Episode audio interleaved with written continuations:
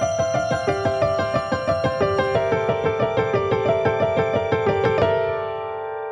Byla herečkou a moderovat začala v Českém rozhlase. Pak pokračovala v Express rádiu, rádiu Bonton a také v české hudební televizi Očko. Napsala scénář k jednomu z dílů televizní série Soukromé pasti. V letech 2010 až 2011 se také podílela na scénářích seriálu Ulice a s kolegyní spovídá za běhu známé osobnosti v internetové show Kilák. Je součástí týmu pořadu Autosalon a Cyklosalon na TV Prima – a testuje nové vozy i jízdní kola. A k tomu všemu napsala i knihu Terezina dobrodružství. Mým dnešním hostem je moderátorka Tereza Dobijášová. Terezo, krásný den a moc díky, že jste přijala pozvání natočit tento podcast. Dobrý den, děkuji moc krát. Krásný den od mikrofonu všem, přeje Kateřina Haring. Terezo, co vás inspiruje? Nebo kdo?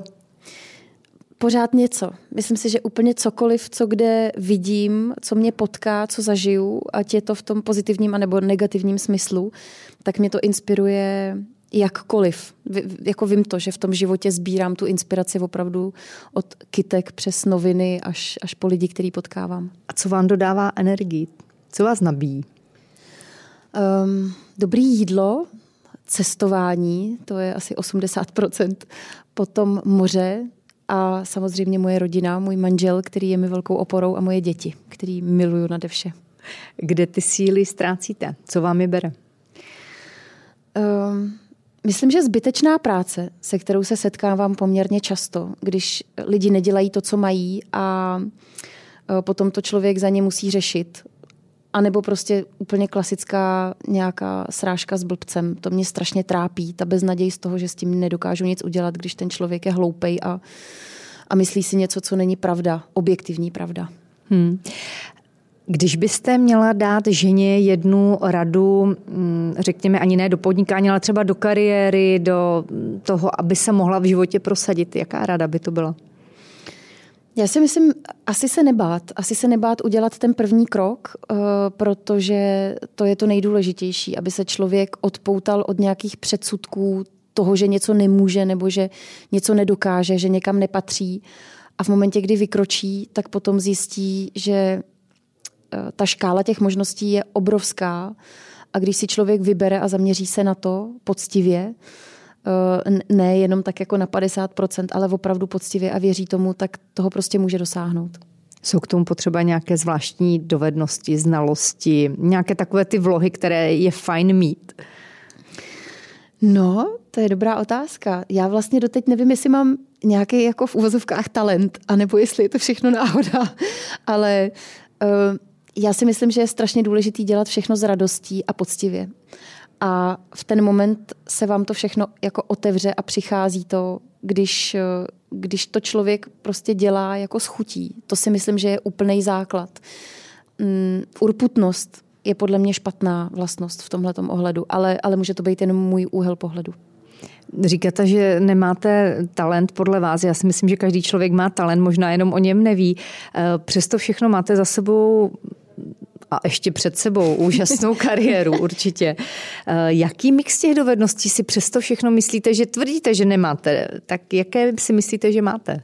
O kterých nepochybujete? Mm, já si myslím, že dokážu být jako vtipná a, a jízlivá a, a dokážu dobře glosovat, když je zrovna dobrý den. Když je špatný den, tak mi to nejde vůbec. A já si to jako často trénuju doma na svém muži, takže eh, on mi to právě i sám připomíná. Říká, a dneska moderuješ? Eh, dneska tady mám doma glosátorku, on mi říká, že jsem občas jako Halina Pavlovská, že mu ji hrozně připomínám ve svých výrazech a v mluvě, eh, ve všem, co dělám. Takže občas jsem Halina Pavlovská a daří se mi to a občas ne. Takže si myslím, že, že dokážu být pohotová, Myslím si, že mojí jako největší nebo nejlepší vlastností je to, že jsem opravdu jako poctivá v tom, co dělám. Že se snažím ty věci dělat na 100%, eh, neodflákávat je, poctivě se připravovat. Eh, nedokážu si představit, že bych přišla na rozhovor nebo na moderování nepřipravená, že bych si něco nezjistila, že bych prostě jenom jako přišla a nějak to udělám a nějak to přečtu. A eh, hlavně si myslím, že jsem jakoby dost bezproblémový člověk, že si nediktuju věci, který, který um, mi nenáleží. Jako ve smyslu, mám pár kolegů, který, který prostě mají nesmyslné požadavky na to, jak chtějí pracovat a s čím chtějí pracovat. Uh, já vyžaduju jenom věci, na kterých se opravdu domluvíme. A to potom, když je nedostávám, uh, když na to jako někdo zapomene, teď nemyslím náhodou, ale když jako úmyslně třeba, nebo když někdo překročí ty hranice toho, na čem jsme se domluvili, tak tam už začínám být nepříjemná a začínám vyžadovat ty věci. Ale jinak jsem, myslím si, že fakt jako velmi pozitivní člověk, se kterým je jako dobrý pracovat ve smyslu, že je to jako radost. Já si to vždycky chci užít. Já nechci pracovat tak, aby tam byly konflikty. Mě to potom vyčerpává. Hmm.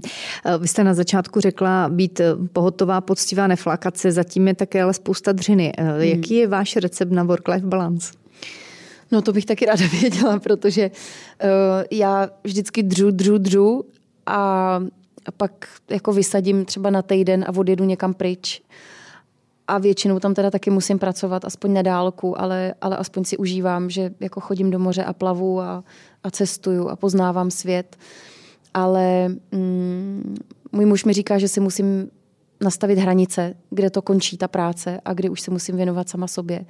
A bohužel bohu dík tím, že mám tolik práce a že spousta té práce eh, je o tom, že ji taky musím dělat doma, Ať už je to třeba nějaký sledování reportáží, který natočí moji kolegové a já jako režisér cyklosalonu to vlastně musím dávat dohromady a, a musím zjišťovat, jestli je všechno v pořádku, musím, musím číst scénáře eh, tak a samozřejmě komunikovat eh, s primou, s produkcí a tak dále, tak eh, nemám úplně ty hranice nastavený. Někdy je to jako pro mě těžký, kort jako s dětma, to zvládnout dohromady.